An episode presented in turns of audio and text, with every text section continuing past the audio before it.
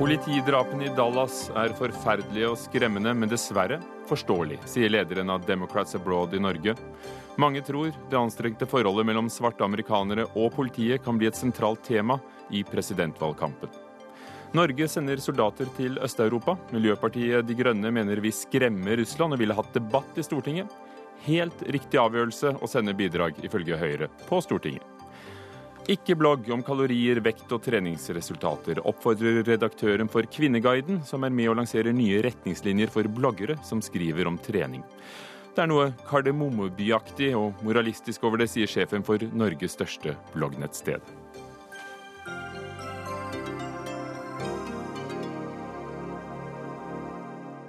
Velkommen til Dagsnytt 18 i NRK2 og NRK P2. Drapet på fem politimann i Politimenn i Dallas i Texas i USA vekker sterke reaksjoner. Snikskyttere åpnet ild mot politi som var til stede ved en demonstrasjon nettopp mot politivold. Tre politifolk ble drept på stedet, mens to døde på sykehus der de ble lagt inn etter skytingene. Og et ytterligere syv er såret. For noen timer siden våknet USA i sorg. I ettermiddag møtte politimester David Brown i Dallas pressen. The suspect said he was upset about Black Lives. He said he was upset about the recent police shootings. Den mistenkte hadde altså sagt at uh, han var um, opprørt over uh, kampanjen Black Lives Matter. Og Anders Tvegård, tidligere USA-korrespondent for NRK og har dekket USA nylig også. Hva var det som skjedde i Dallas i formiddagstimen i dag? Politiet prøver å finne ut hva som skjedde fra kvart på ni i går kveld. Eh, hvor mange gjerningsmenn det var, hvor mange snikskyttere som forsøkte bevisst å treffe politiet. Som vi hørte fra pressekonferansen her eh, klokka 15 norsk tid, så sa politiet at 25-åringen eh, som forskanset seg i et parkeringshus, ville forsøke å drepe så mange hvite som mulig, og helst hvit politi, og at han var opprørt over politidrapene eh, den siste tida, altså der eh, politiet har eh, skutt, mot spesielt, skutt og drept spesielt svarte, svarte menn. Hva vet de om gjerningsmennene? Det er uh, foreløpig lite. Det er tre uh, som sitter i uh, Som er tatt inn av politiet. De er lite samarbeidsvillige. Gjernings, en av gjerningspersonene, han som forskanset seg, han satt i et parkeringshus i en fire timers tid før, og snakket med politiet, før politiet valgte å sende inn en robåt med eksplosiver og detonerte eksplosivene slik at han ble drept. Politiet forteller at at eh, gjerningsmannen eh, hevder at han eh, var alene om det, at han ikke tilhørte noen utenlandsk gruppe eller, eller en annen gruppering innad i USA. Men dette her er en svart dag for Dallas. Det var en skyting som Det er den blodigste dagen mot politiet siden terrorangrepene 11.9. Eh, og det er en eh, situasjon der som de ikke har eh, oversikt over, fordi øyenvitner sier at det kom skudd fra flere kanter, og at det var snikskyttere som, som skjøt mot politiet. Vi har også sett bilder som kom nylig, mobilvideoer, som viser en gjerningsmann på gateplan som løper og, og henretter en, en politimann, samtidig som det skytes andre steder i byen. Så trolig så har det vært flere, men det er dette puslespillet som man nå forsøker å å, finne ut av. Hva skjer utover dagen? Det er uh, minnestunder uh, allerede uh, som er varslet. Det har jo vært protester i flere amerikanske byer de siste dagene mot overdreven bruk av vold fra politiets side, spesielt mot minoriteter og altså svarte. Og dette her er noe som Det blir også et spørsmål hva president Obama kommer til å gjøre. Han er nå på Nato-møte i, i Polen, skal videre til Spania. Eh, som jeg nevnte, dette er en dag som eh, amerikanerne eh, ikke har Eller amerikansk politi ikke har opplevd siden 11.9.2001. Det kommer også nå til å bli en debatt, selvfølgelig ikke bare om våpenlovene, men også om politiets opplæring og utdanning. Ofte så kan man bli en, gå rett inn på en politihøyskole etter å ha vært på videregående. Tre måneder, opp, tre måneder opplæring, så er du på gata og, og patruljerer med, med, våpen. Det, Det større problemet her er mistillit mellom politi og innbyggere. Og, og, dette er noe som er det grunnleggende i det amerikanske samfunnet. Et problem som, som de forsøker eller bør, bør, bør gripe fatt i. Og det skal vi diskutere nå. Takk, Anders Tvegård, utenriksmedarbeider og tidligere USA-korrespondent. Lisa Cooper, leder for Democrats Abroad her i, i Norge. Hva var din reaksjon da du hørte om skytingen i Dallas? Ja, så klart så syns jeg det var først og fremst uh, tragisk. Uh, men for å være helt ærlig, det er forståelig. Og det er jeg egentlig overrasket at det ikke har skjedd før. Jeg tror man må, må tenke den kontekst for svarte amerikanere i, i, i USA. Vi har hatt det vanskelig fra start, siden selv om USA skal være den store melting pot. Vi lever i fattigdom. Det er lite sosial mobilitet. Det er diskriminering. Mann som en svart mann er alltid mistenkeliggjort. Når det gjelder ellers statistikk på hvor ofte svarte mennesker er egentlig angrepet av politiet, eh, i henhold til de hvite, nesten fire ganger mer. Og bare 1% av de er egentlig tiltalt. tiltatt. Uh, Black Lives Matter. Så, så, så, jeg mener, jeg forstår er... ekstremt godt, men vold skal aldri løse vold. Så jeg på ingen måte prøver å, å forklare det bort. Det er Hva, Hva er denne eh, bevegelsen Black Lives Matter? Si litt om den. Det, det kom eh, etter Ferguson. Uh, og det er egentlig I starten så var jeg litt usikker om hvor mye jeg egentlig støttet bevegelsen. Men jeg syntes det var litt for radikal. Uh, de, de, hadde veldig mange radikale handlinger um, i ulike fora. Men på mange måter så har de egentlig satt dette på perspektiv, at Black Lives Matter. For å forsøke egentlig få opp tall, for å forsøke å være i ulike arenaer, både politisk og ellers i lokalmiljø, å uh, det at det finnes en strukturell diskriminering, og at det må gjøres mer i USA. Men de har jo da gått ut i dag og sagt at vi støtter overhodet ikke drap, selvfølgelig. Selvfølgelig. Selvfølgelig. Hvem hadde gjort det? Lisa Cooper, hvordan opplever du det personlig? Du er selv amerikansk, du er selv svart. Ja. Ja, for, for, meg så Og så har jeg bodd i Norge i 27 år, så på mange måter så har jeg vært veldig behagelig fjernet fra den uh, utrolig strukturelle rasediskriminering som finnes i USA. Eh, på en veldig personlig plan så har jeg en sønn som er 20 år. Han kommer til å reise til USA i august. Jeg, skal bli med han. Han skal starte uh, universitetet i Chicago. Chicago er det verste bier når det gjelder drap, og særlig drap mot andre svarte. Han er selvfølgelig lysebrun. Han er halv norsk eller, ja, og halv svartamerikansk. Men det er helt forferdelig å fortelle sønnen min du må passe deg.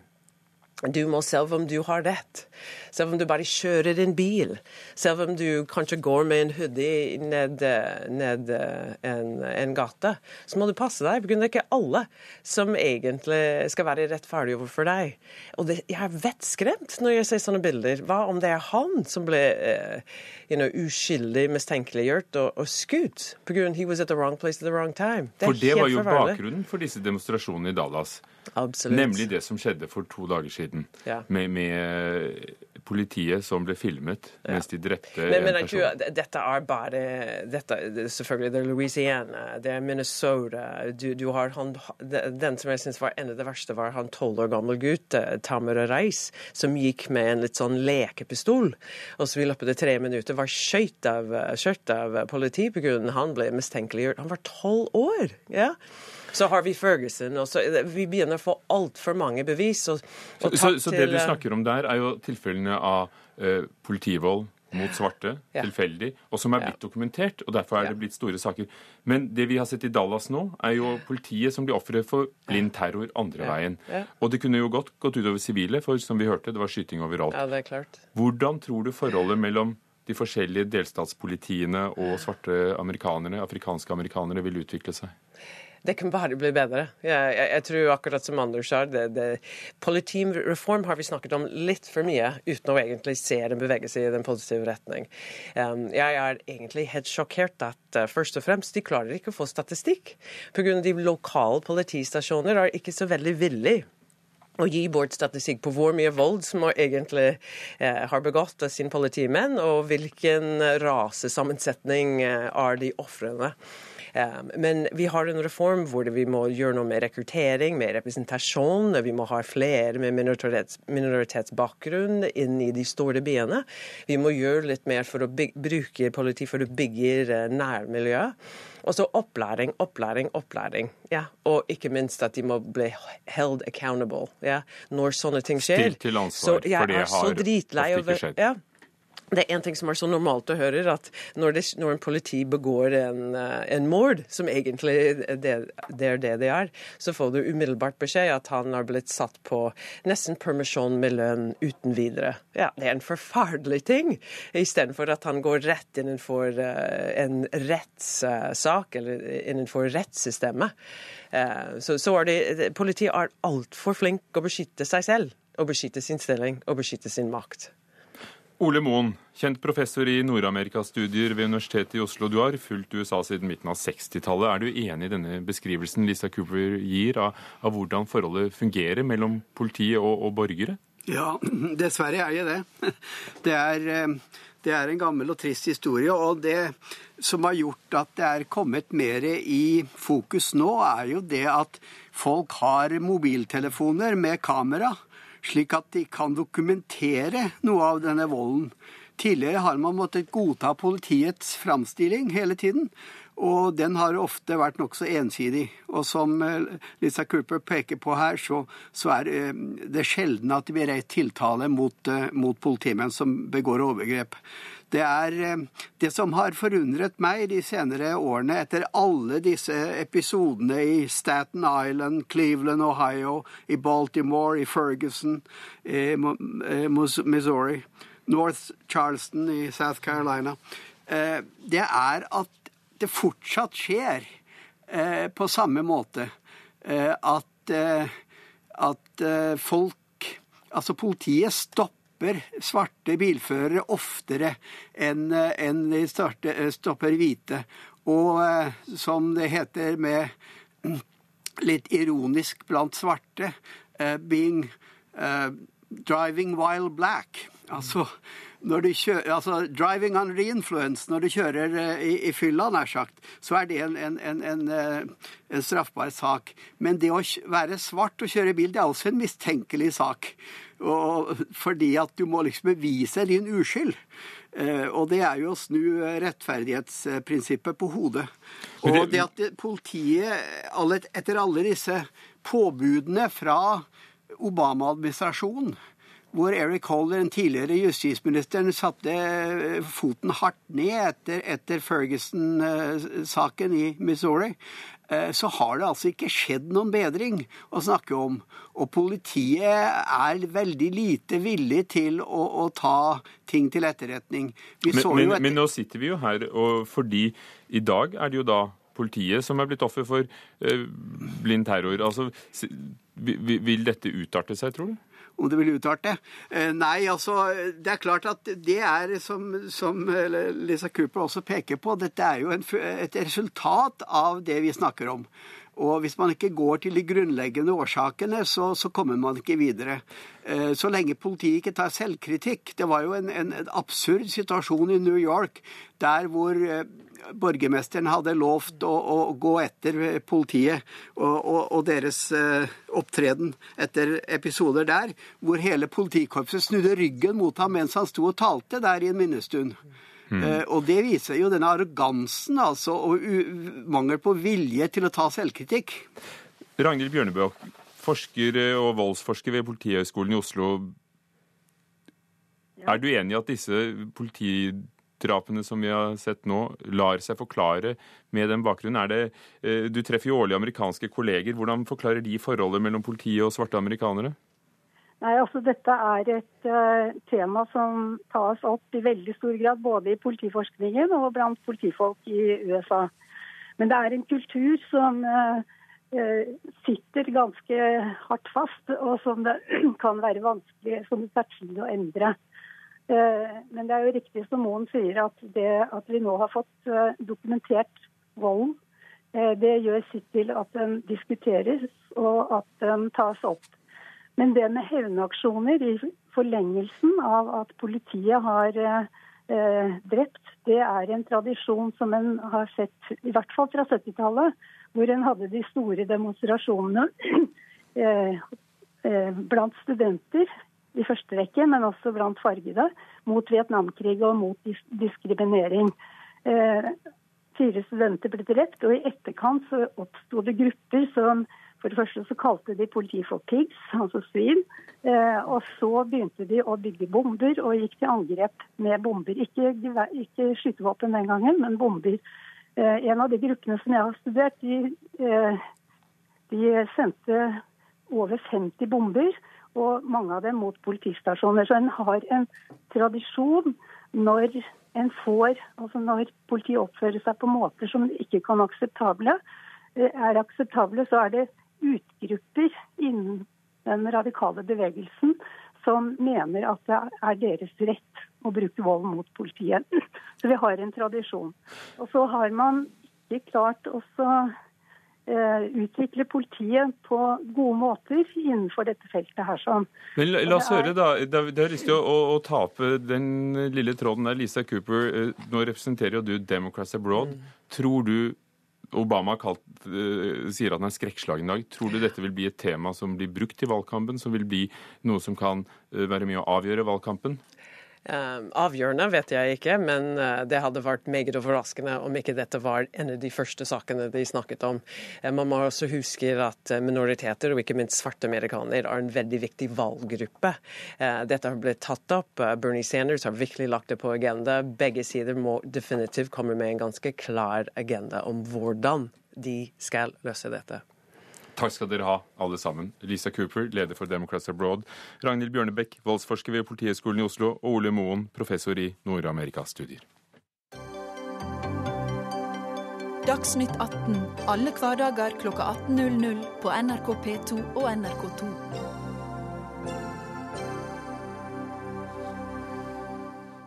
Norge skal sende 200 soldater til de baltiske landene og Polen. Det offentliggjorde statsminister Erna Solberg og forsvarsministeren under Nato-toppmøtet i dag. For første gang i historien skal Nato nemlig ha tropper stående i de baltiske landene og Polen, til sammen mellom 3000 og 4000 soldater.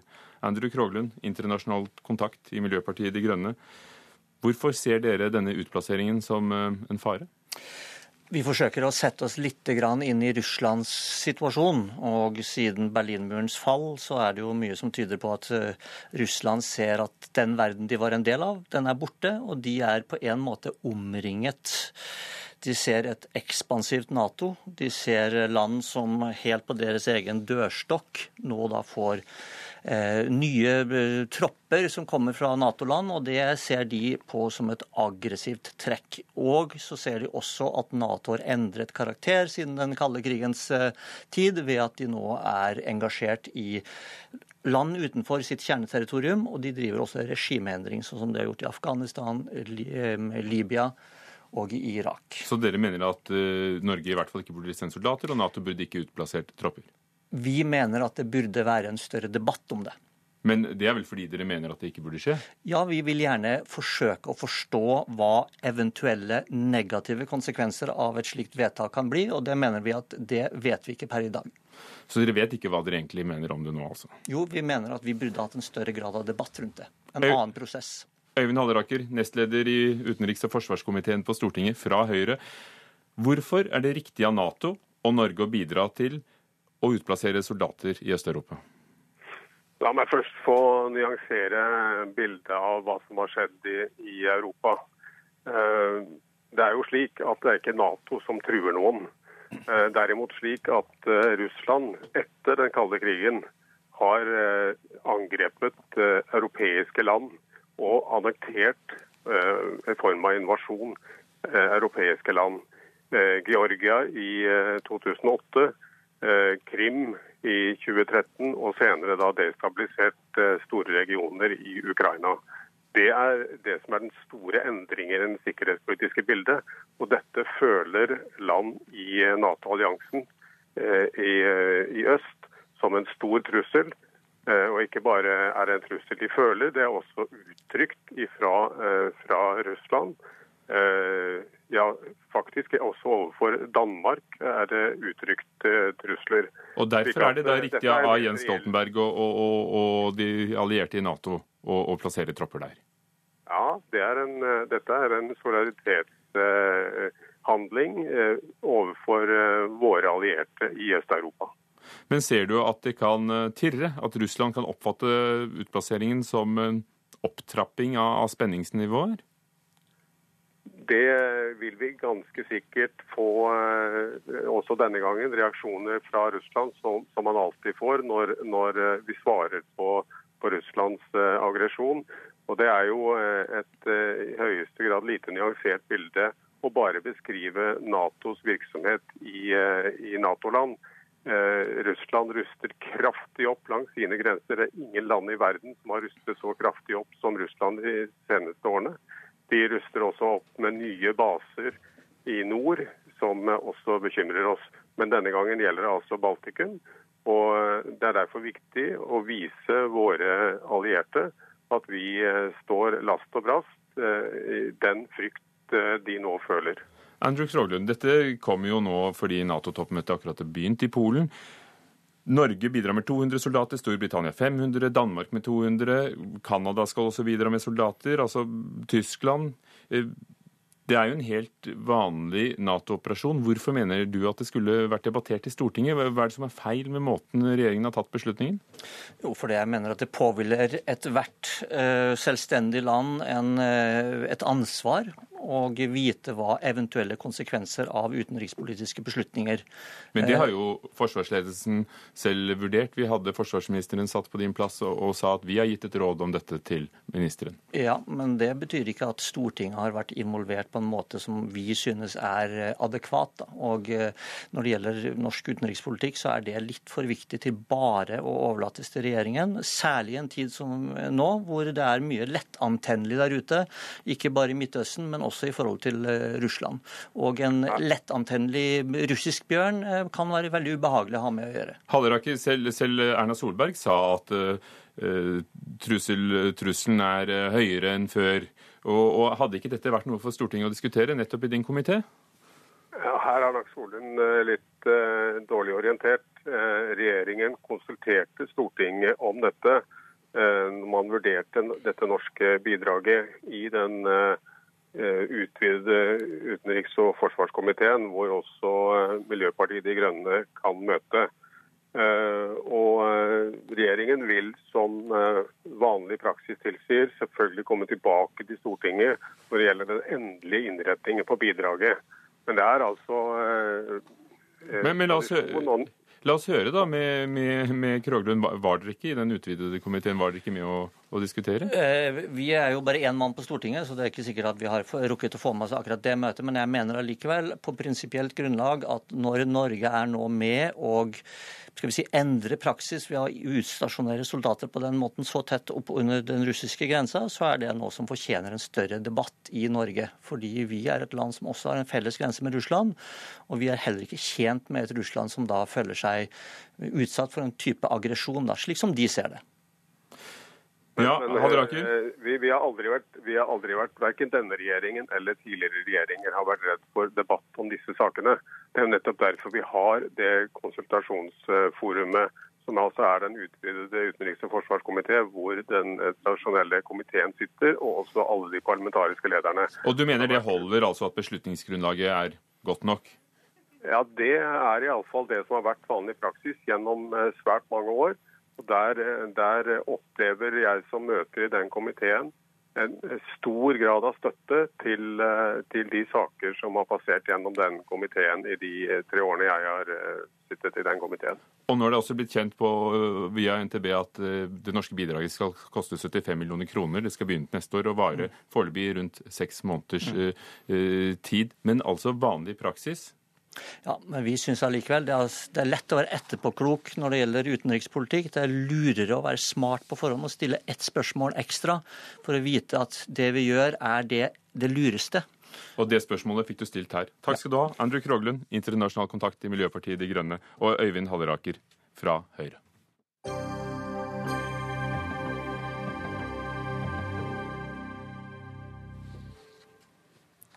Skal staten eller kommunene ha ansvaret for omsorgen for samfunnets eldre og gamle?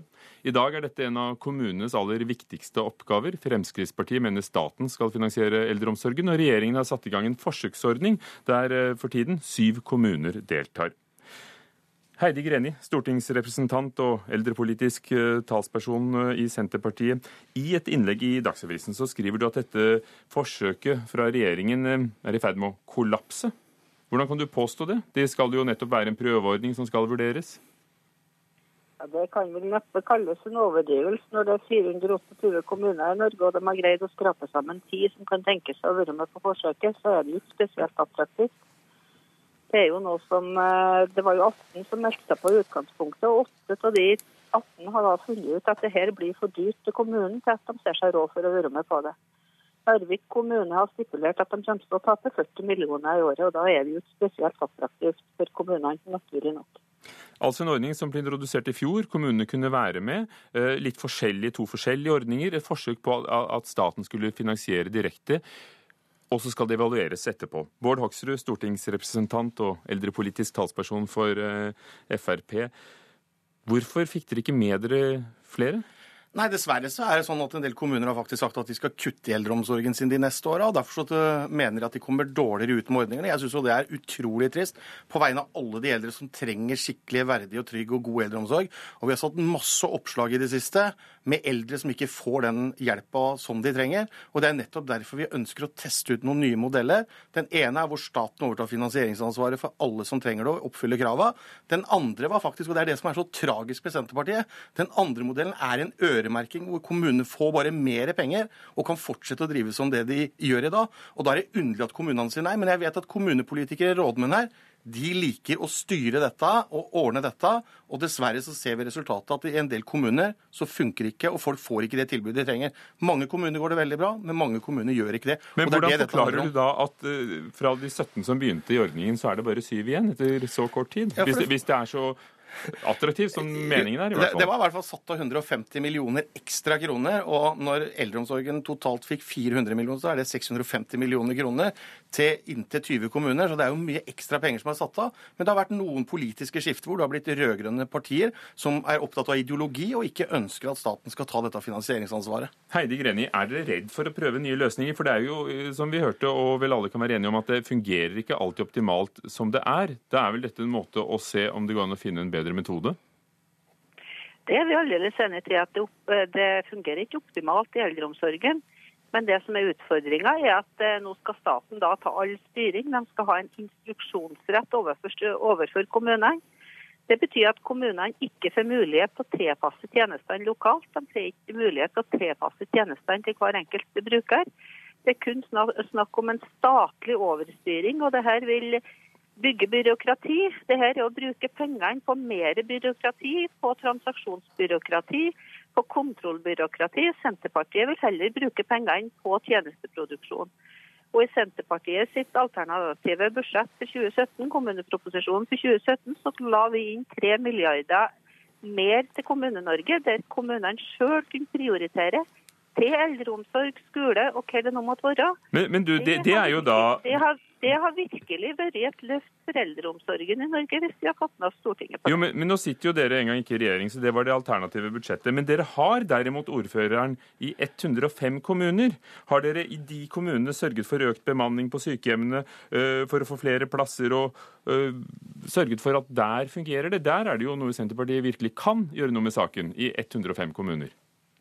Jeg har ingen statistikk på at vi er verken verre eller dårligere enn alle andre. Men i, i, de aller aller fleste små kommunene i hvert fall så fungerer jo eldreomsorgen veldig godt. Det er en del store bykommuner som har store utfordringer fordi det blir for stort og for uoversiktlig. Samtidig så er det mye å, mye å tjene på mange forbedringspotensial. Men da må det penger, frie midler til kommunene til sånn at kommunene får mulighet til å prioritere. Altså, Hoksrud, la oss høre med Hoksrud. Skal- Bare skrive ut check-in, og så ikke drive med alle disse kontrollrutinene og skjemaene og forsøkene. Det er jo absolutt det det handler om, at man skal sørge for at folk får den behandlingen og får den pleie og omsorgen de trenger. Det er jo hele poenget med en statlig finansiering. Jeg tror ikke Grene egentlig har lest e- hva dette handler om, fordi dette handler om finansieringsansvaret. Og det er altså sånn at eh, det er ingen som sier til lille Ole at eh, du må komme tilbake neste år til høsten. Altså når han kommer på skolen nå til høsten, så sier de ikke du må komme tilbake neste år, du lille Ole, for vi har ikke penger til å sørge for at du får den skoleplassen. Men i eldreomsorgen så er det faktisk sånn at kommunepolitikerne prioriterer hvordan de ønsker å bruke pengene. Og når Greni sier at vi, skal bare få, vi må bare gi de 3 milliarder kroner mer, så de kan prioritere hva de vil bruke pengene på, det er jo nettopp det dette handler om. Vi skal ikke la kommunene få lov å velge hva de vil bruke pengene på. Disse pengene skal gå til å sikre alle som trenger en verdig og trygg eldreomsorg. I Åsnes kommune, som er styrt av Senterpartiet, så sier altså Asbjørn, som ikke fikk lov å bo på sykehjemmet, han ble, skulle kastes ut, men han sa at jeg nekter å reise fra sykehjemmet her. Jeg trenger denne plassen. Og han tok et eldreopprør. Det er sånn det står til ute i kommunene, og det kan vi ikke fortsette. At vi skal ha 428 kommuner som skal bestemme hvilken kvalitet og hvilket nivå det skal være før du får en omsorgsplass eller får en sykehjemsplass. Derfor må staten sørge for å lage nasjonale kriterier. For Heidi Greni, sånn er det jo med grunnskolen. Hvorfor ikke eh, gi nettopp som eh, regjeringen vil. Øremerkede midler til økt bemanning, trygghetsalarmer, ernæringsrådgiver i sykehjem, personlige assistenter styrt av brukeren, eh, og en fast minstestandard. Akkurat som barn i grunnskolen da kan vente seg lik behandling uansett hvor de flytter, bør også gamle kunne det. Hvis alt skal detaljstyres fra staten, kan vi like så godt eh, avvikle alle kommunestyrer i Norge. For hvis vi bare skal administrere tjenestene på vegne av staten, så har vi ikke behov for å ha et lokaldemokrati som faktisk er der for å prioritere og for å ha lokal tilpasning til tjenestene. Og eh, jeg leser nettopp Dagbladet og Carl I. Hagen sin eh, kritiske kommentar til denne prøveordninga, så det er tydeligvis ikke bare jeg som ikke har lyst til dette godt nok som, som Hoksrud sier. For eh, Carl I. Hagen sa at denne ordninga var så dårlig at eh, han trodde den var, var snekra av regjeringspartner som ikke ønska det, og av byråkrater som ikke ønska det, nettopp for å sabotere hele ordninga. Og det var jo altså veldig få Den prøveordninga som helt håpløs. Hok Hoksrud, jeg avbryter det litt, jeg, Heidi Greni. Hoksrud, for det er jo da veldig få, vi sitter igjen med syv, som ville prøve. Er dere i ferd med å gi opp dette målet om statlig finansiering? Nei, absolutt. Fremskrittspartiet vil det, fordi vi er opptatt av at alle som trenger det, skal få en trygg og verdig eldreomsorg. Og Men det, men vi det er dere jo alle opptatt av. Nei, men, jo, men, men, men, er- her, her er sier jo Greni at eh, det er jo nettopp kommunene som er nærmest behovene i den kommunen, og kan se dem og løse dem. Jo, men hele poenget er jo nettopp det at det kan ikke være sånn at det er kommuneøkonomien som avgjør om du får et tilbud eller ikke. I Oslo har vi nå en, en byråd som sier at folk skal få lov å bo hjemme eh, eh, så lenge de kan. Og så er spørsmålet, Handler dette om økonomi, eller handler det om at man faktisk skal ta hensyn til den enkelte beboer? De kutter i sykehjemsplasser, og det ser vi rundt omkring i Norge. At lokalpolitikerne velger å prioritere kulturhus, de velger å prioritere andre ting enn eldreomsorgen. Fordi eldreomsorgen er ikke lovpålagt. På samme måte som, som en skoleplass, den er lovpålagt. Der må kommunen finne pengene. Det må det ikke i eldreomsorgen. Og det mener Fremskrittspartiet. At alle som oppfyller kriteriene og krava, de skal få en sykehjemsplass eller en, et omsorgstilbud, uavhengig om kommunen har økonomi eller ikke. Det er det dette handler om. Det handler Men om spørsmålet finansiering. gjenstår. Ordningen kan jo ikke være god nok, og vi hører at flere kommuner eh, sier de har tapt penger på den. men Da kan den ikke være god nok. Ja, men- Apropos finansiering, Siv Jensen sa jo at det skal ikke stå på penga. Nei, men det står heller ikke på pengene. Men det er altså blitt en diskusjon om hvordan de ønsker å bruke pengene, hva de ønsker å kutte på. Og ja, det er mange byråkrater, det er mange lokalpolitikere som liker å ha makt og myndighet til å bestemme hvordan dette skal være. Det gjør ikke Fremskrittspartiet. Vi er opptatt av at de som trenger pleie og omsorg, de skal få det. Heidi Greni, er det, er det det du er opptatt av? At kommunene skal få beholde oppgavene sine? Jeg er opptatt av at kommunene skal beholde muligheten til å prioritere. For det å være lokalpolitikere, det er nettopp det å prioritere best mulig tjenester til innbyggerne i egen kommune. Og Hoksrud må fortelle meg, hvis vi nå gjør det her på eldreomsorg, vi gjør det på skole, vi gjør det på helse, vi gjør det på barnehage, vi gjør det samme på alle kommunale tjenester. Hva skal vi da med et lokaldemokrati? Det spørsmålet får henge i luften. Det spørsmålet henger henge i luften, og så møtes vi igjen når evalueringsrapporten fra de syv forsøkskommunene kommer. Takk skal dere ha, Bård Hoksrud fra Fremskrittspartiet og Heidi Greni fra Senterpartiet.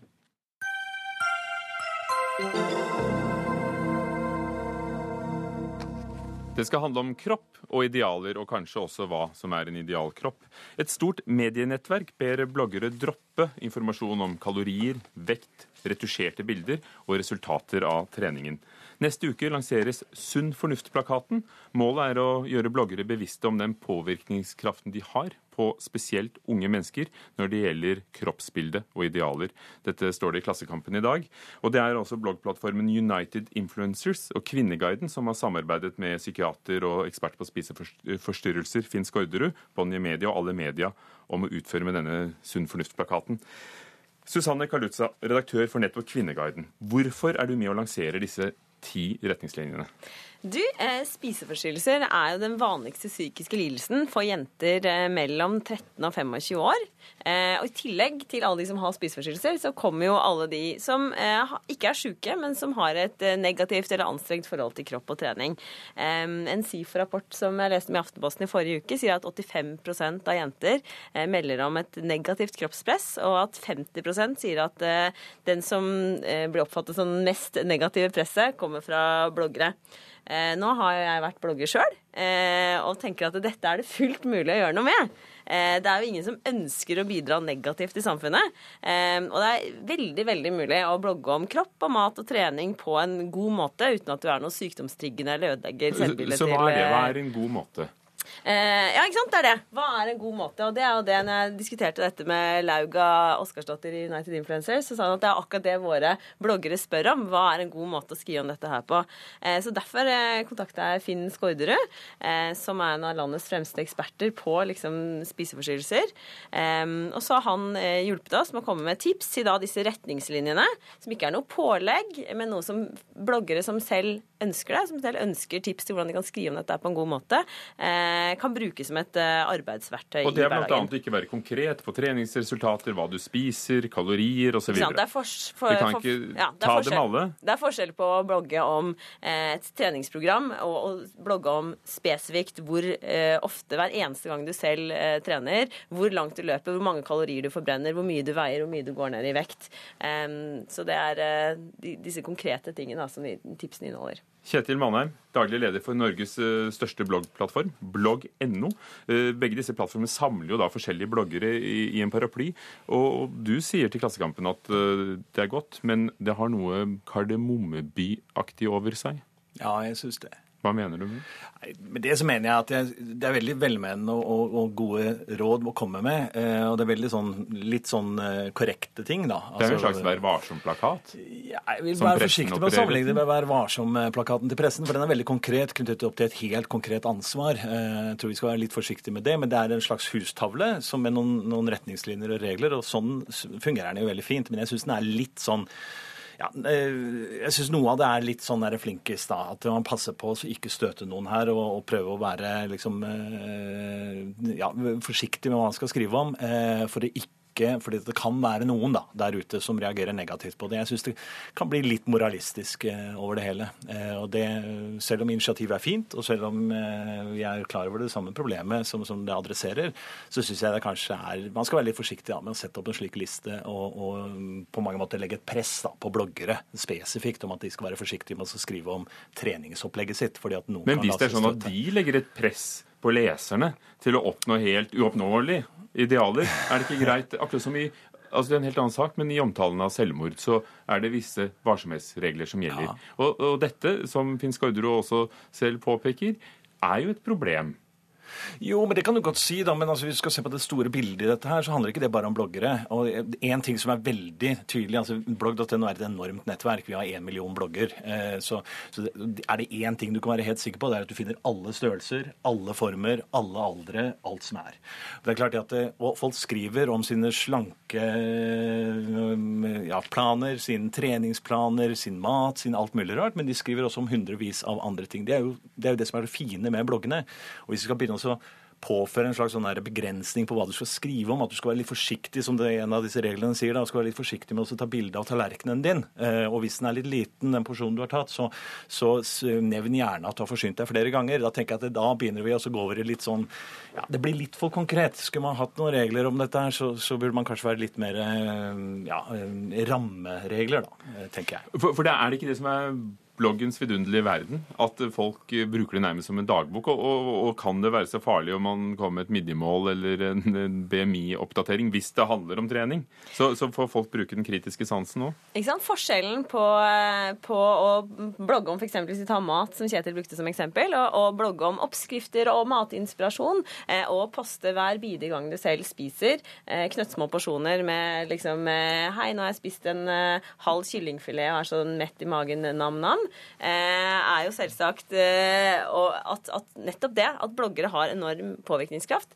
74 eh, sier at de blir påvirket av sosiale medier når de tar en, altså en forbruksbeslutning. Det er det hele, hele forretningsideen til bloggere er basert på. nettopp det, At de har stor påvirkningskraft, at leserne ønsker å være som de, at leserne ønsker å, å sammenligne seg opp til de og, og, og, og, med det ansvaret så følger det også med eller, øh, følger det også med et ansvar for det du selv skriver om, om, om disse tingene. Eh, og det er ikke noe men Skal dere gå inn og lese og bedømme, eller hvordan Nei, tenker du deg dette i praksis? En, eh, altså, jeg er veldig glad for at oppslutningen av denne plakaten har vært så god. Det tyder jo på at dette er noe veldig mange ønsker seg. Eh, Blogg.no har jo hatt en eh, gyllen mulighet til å være med å påvirke på reglene. Jeg kontaktet de tidlig underveis, og de hadde mulighet til å komme med innspill, som også Bonnier og Aller eh, og United Influencers har hatt. Eh, men dette her skal jo ikke være noe Eh, pisk eller tvang. Dette er en bevisstgjøringsprosess på samme måte som eh, motebladene? Så du vil ikke bruke rødblyanten? Jeg skal ikke noe rødblyant. Dette er et arbeidsverktøy. Og på moteblader så har vi hatt eh, skal ikke mer enn kanskje 10-15 år tilbake, før man hadde radmagre modeller i moteblader. Så har vi hatt en debatt om dette, og det har vært eh, ser, altså I norske moteblader i dag så vil du ikke se det lenger, fordi moteredaktørene i norske bladene har, har, selv tatt en avgjørelse som publisist på å ikke trykke bilder av anorektiske modeller. Det er ikke noe tvang, det er ikke noe, det er ikke noe straff hvis de gjør Ingen det. Det kan glippe iblant. Puff i riktig eh. Ja, jeg tror at man skal være litt forsiktig, da. Altså tro at man løser alle verdens problemer med regler. Vi kunne tatt andre ting som også er, like viktig. Det er ikke regler, viktig. Det er tips og innspill. Ja, OK. Men det blir oppfattet litt som det, og det er det jeg sier til Klassekampen. Jeg sier ikke at dette er negativt, jeg sier bare det at eh, man skal være litt forsiktig, slik at ikke dette blir en sånn moralistisk pekefinger. Eh, og det blir litt sånn at man ikke skal kunne snakke om resultatet. Det blir sånn, Vi er tilbake men, på 70-tallets gjennomsnittstid i skoleverket. Men hva, hva, gjør du hvis du ser noe hvor du tenker at dette er over streken, dette er ikke sunt? Ja, da tar vi det bort. Vi har regler på blogg.no som, som sier at hvis du er en pro-Ana-blogger, som det heter, eller en sånn Thinspiration. En blogger? Ja, en som er veldig pro dette med anoreksi ja, ja. og det å være tynn og sånne ting. Det, det, det tar vi bort. Så dere har regler, altså? Vi har regler, og det, vi har regler om andre ting også. Eh, så, så, sånn er det jo. Ja. Takk skal dere ha. Kjetil Mannheim, daglig leder for eh, blogg.no, og Susanne Kalutza, redaktør for Kvinneguiden. Har Høyre brutt valgløftene når helseministeren har ansatt over 600 nye byråkrater, og verdens yngste land, Sør-Sudan, er i en trist forfatning etter fem år? Hvis du vil høre disse sakene, bli med oss videre i NRK P2 på radioen, for på fjernsynet i NRK2 blir det nå friidrett. Hør Dagsnytt 18 når du vil. Radio NRK Radio.nrk.no.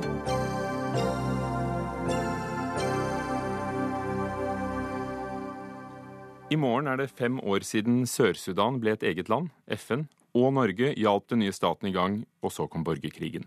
Senest i dag ble fem regjeringssoldater drept i hovedstaden, selv om partene undertegnet en fredsavtale i fjor. Økonomien er i grus etter at oljeprisene falt. Det er ikke nok mat. 4,8 millioner mennesker står i fare for å sulte, og det er tall fra FN. Og selve staten er en ganske skjør affære. Utenlandshjelpsjef i Norsk Folkehjelp, Katrine Rådim, du har besøkt Sør-Sudan mange ganger. Hvordan ser det ut der i dag? Nei, Akkurat når vi sitter her nå, så ser det ekstra bekymringsfullt ut. Fordi akkurat nå går det meldinger på, på Twitter og andre kanaler om at det er eh, ganske tung beskytning rundt presidentpalasset. Eh, og generelt urolig i byen. Det er fly i lufta over byen, og det er eh, urolig, rett og slett. Og det er jo ikke noen gode indikasjoner på at det, det, ser bekymringsfullt ut. Og det er en by som offisielt er demilitarisert, men så er det altså militære vakter fra både regjeringsstyrkene og, og den andre parten som har, har, hver sin side av byen. Mm. Uh, altså, Hva sier folk til deg? Hvordan lever de med det? Nei, altså Folk er jo krigstrøtte. Eh, men samtidig så er det jo en forferdelig vanskelig situasjon, fordi inflasjonen er jo nå verdens høyeste. Du har eh, hatt en enorm kjøpekraftsnedgang for folk. Det merkes jo veldig veldig godt i at kriminaliteten er, veldig, veldig mye høyere nå. Den generelle situasjonen i byen er ganske desperat og ganske vanskelig. Og det, det merker vi også. Øystein Rolandsen, seniorforsker ved Institutt for fredsforskning, PRIO. I, vi har jo hørt ganske mye om Sør-Sudan i Norge, for Norge var med i denne kvartetten som hjalp til å få til uavhengigheten fra, fra landet i nord. Siden har Hilde Frafjord Jonsson, KrF-politikeren, vært FNs spesialutsending. Og i 2011 fikk altså Sør-Sudan den endelige uavhengigheten, etter lang konflikt mellom nord og sør. Hva har skjedd siden 2011? Fem år, hvordan kunne det gå så galt? Ja, nå eh, det, det, som har skjedd i uh, Sør-Sudan i disse fem åra, har jo på en måte vært en sånn hopping fra krise til krise. Altså Først så var det jo da en veldig vanskelig løsrivelsesprosess uh, med Sudan, som også resulterte i krigshandlinger. Så gikk det da videre til en full stans i oljeproduksjonen, og oljeproduksjonen i Sør-Sudan har jo ikke kommet på beina etter det. Og så fikk vi da denne eksplosjonen av vold i desember 2013, som da rett og slett blei en ny borgerkrig mellom parter i eh, Sør-Sudan, som da raste gjennom 2014 til tross for diverse fredsforsøk. Og så fikk, det, fikk man da tvunget igjennom en fredsavtale i august eh, i fjor, og den har jo holdt så langt. Og det er positivt. Og det, den dannelsen av samlingsregjeringen nå i april er også positivt. Men det er klart det er en skjør situasjon. Det er krise på krise som på en måte er både utmattende for uh, sørlandsbefolkningen, men også selvfølgelig for det internasjonale samfunnet, som uh, da forsøker å, holde, uh, hjelpe til med å bygge et nytt land i Sør-Sudan. Men det er jo en samlingsregjering, som du sier. Og likevel så er dette regjerende partiet, sudanske folks frigjøringsbevegelse, Sudans People Liberation Movement, splittet til flere fraksjoner. Hvem er det eh, som eh, står mot hverandre? Ja, altså Det er jo først og fremst eh, da eh, presidenten og på en måte hans eh, fraksjon, Salwa Kiir, og på den andre sida så har vi da eh, Riek Mashar, som var visepresident, gikk da ut og var opprørsleder, og nå blitt reinnsatt som visepresident. I tillegg så har du da hatt en gruppe politikere som har utgjort en slags uavhengig eh, fraksjon. Og dette gjør jo, I tillegg til DN, så er det jo da en hel haug med sånne lokale krigsherrer som har sine bander med soldater som eh, noen ganger er alliert med regjeringa, andre ganger er alliert eh, med seg sjøl, eller kanskje til og med også eh, med eh, grupperinger utafor landet. Så er det jo to folkegrupper. Er det, er det denne konflikten det egentlig bunner i? Eh, Nei, det er snarere det motsatte. Altså at eh, folk, det, er, det er mange land som det fins flere folkegrupper er, hvor folk kan leve i fred og fordragelighet. Men det er nettopp den lange historien med borgerkrig, med militarisering, eh, som gjør at eh, disse motsetningene mellom folk blir forsterka. Og det er jo ikke bare to folk i Sørstrand. Noen eh, sier at det er så mange som 500 eh, folkegrupper. Det kommer litt an på åssen du regner. Men det er, et, det er veldig mange folk i Sørstrand Mange av de klarer å leve fint eh, i fred og ro, andre gjør det ikke. og Da har det mer med eh, den svake staten, den generelle militariseringa av samfunnet å gjøre, enn det har med eh, holdt å si, hva slags folkegruppe man tilhører. Katrine Rådhjem i, i Folkehjelpen, når du møter sørsudanere, opplever du denne splittelsen dem imellom, som, som vi da tydeligvis ser blant politikere og soldater? Ja, altså Både og. Ikke så veldig mye i egen organisasjon, eh, men vi ser det jo veldig mye ute i arbeidet vårt. Dessverre så er det jo sånn at eh, lokale konflikter ofte spiller opp under og blir til nasjonale eh, konflikter.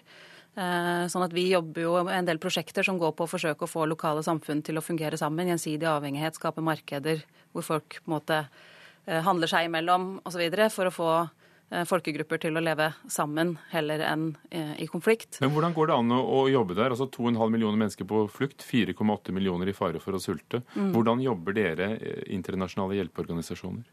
Nei, altså Jeg har over 700 ansatte i Sør-Sudan. lokalt ansatte, de fleste av dem, som jobber ute i veldig mange vanskelig tilgjengelige områder i Sør-Sudan med å få ut mat, bl.a., til over 200 000 innbyggere i Sør-Sudan hvert år. Eh, som du sier, det er jo flere millioner som mangler mat. Og vi eh, eh, Det er en veldig vanskelig jobb, for det er veldig utilgjengelig. Det er akkurat nå regntid som gjør at du nesten ikke kommer fram med biler osv. Så, videre. så det er forferdelig vanskelig jobb, men det må til, og det må til mer enn det som er i dag også. Er det forholdene dere møter der? Alt fra, fra rein til politikk og skyting, eller er det mangel på hjelp som gjør at sultfaren er så stor?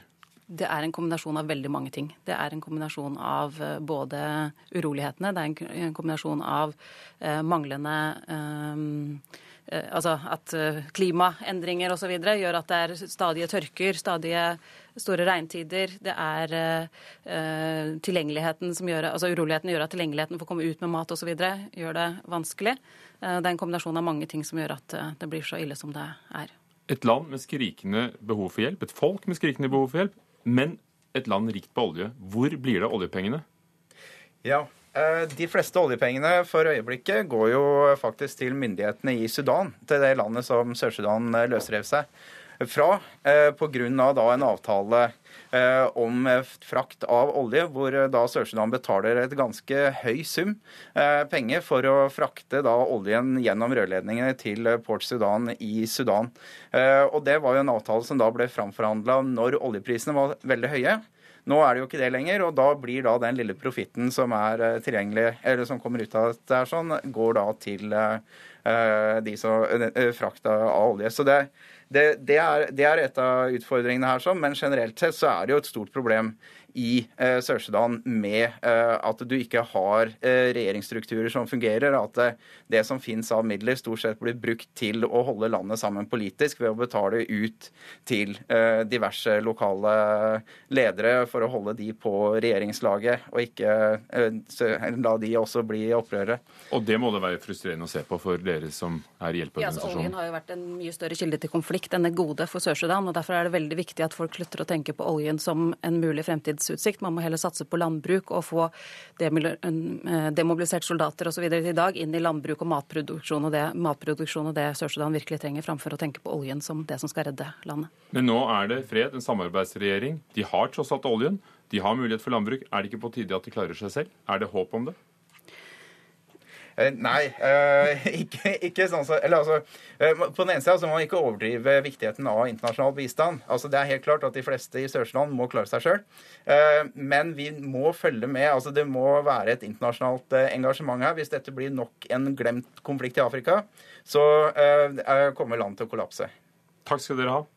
Øystein Rolandsen, seniorforsker ved Institutt for fredsforskning, og Katrine Rådlim, utenlandssjef i Norsk Folkehjelp.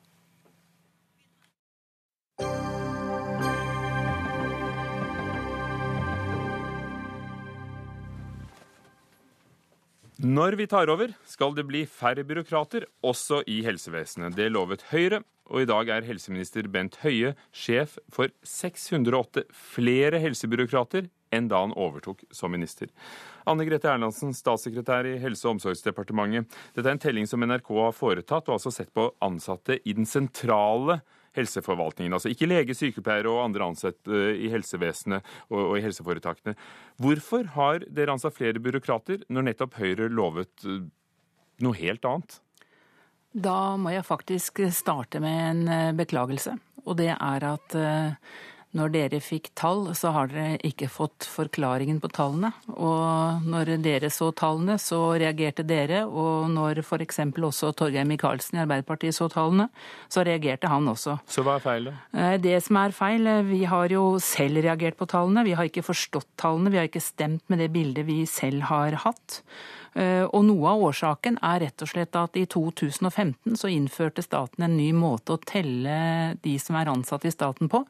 Og det har gjort at man har tatt med ledere som ikke er fastlønnede, og man har også tatt med de som har fått lønnen sin ved hjelp av eksterne midler, f.eks. For forskere på Folkehelseinstituttet. Og til sammen så representerer det over 200 årsverk. Altså Det er bare 27 forskerstillinger som er, øh, er med i denne tellingen som er gjort, og de er ansatte i helsevesenet sentralt, så vidt øh, vi har tatt rede på. Ja, det stemmer ikke. Det så, dette, disse tallene har jeg nå litt bedre kål på. Det, det betyr at vi vet at det er 180 80 stillinger ved Folkehelseinstituttet som er forskerstillinger som er eh, eh, finansiert eh, over forskningsråd og EU-midler og den slags. Og de har vært der også under den rød-grønne regjeringen. De har vært der hele tiden. Det er ikke noe nye i det hele tatt. Men de har nå blitt telt med, og da vokser jo statistikken helt uforståelig. Og jeg beklager at vi har gitt feil opplysninger. Så Torgeir Micaelsen, stortingsrepresentant for Arbeiderpartiet. Det hele er tallmagi? Nei, det er det ikke. Altså, jeg er jo glad for at uh, departementet nå beklager at de har uh, feilinformert Stortinget på dette punktet. Men de har jo ikke feilinformert mer enn at uh, mens da veksten med de gamle tallene når det gjelder antall nye sentrale helsebyråkrater med Høyre Frp i regjering var 608, så er det nå nede på 420 kanskje. da. Så eh, istedenfor å være tre ganger så høy eh, byråkratvekst under denne regjeringen som med Arbeiderpartiet regjering, så er den da dobbelt så stor. Eh, og Det som er det litt pussige, det er jo at eh, Erna Solberg, som nå er statsminister eh, og Høyre-leder, hun lanserte jo til og med i valgkampen for tre år siden en egen byråkratisk handlingsregel, som hun kalte det. Og Det var jo litt overraskende at det endte med at det skulle ende med å øke veksten i antall helsebyråkrater, med eller uten disse nye tallene. Dette er svært pinlig for Høyre og Frp, og de bør ikke bare beklage at de nå har informert Stortinget feil om tall de siste tre månedene, som jeg har bedt om disse tallene, men de vil også beklage at de ga inntrykk av i valgkampen at det var mulig å dempe denne byråkratveksten slik de ga inntrykk for. Nå kan jeg vel si at eh, for det første så skal eh, Torgeir Micaelsen få et nytt svar i neste uke på tallene. Og så hvis vi nå da holder denne nye tellemåten ute, så er det riktig ja, det har kommet flere.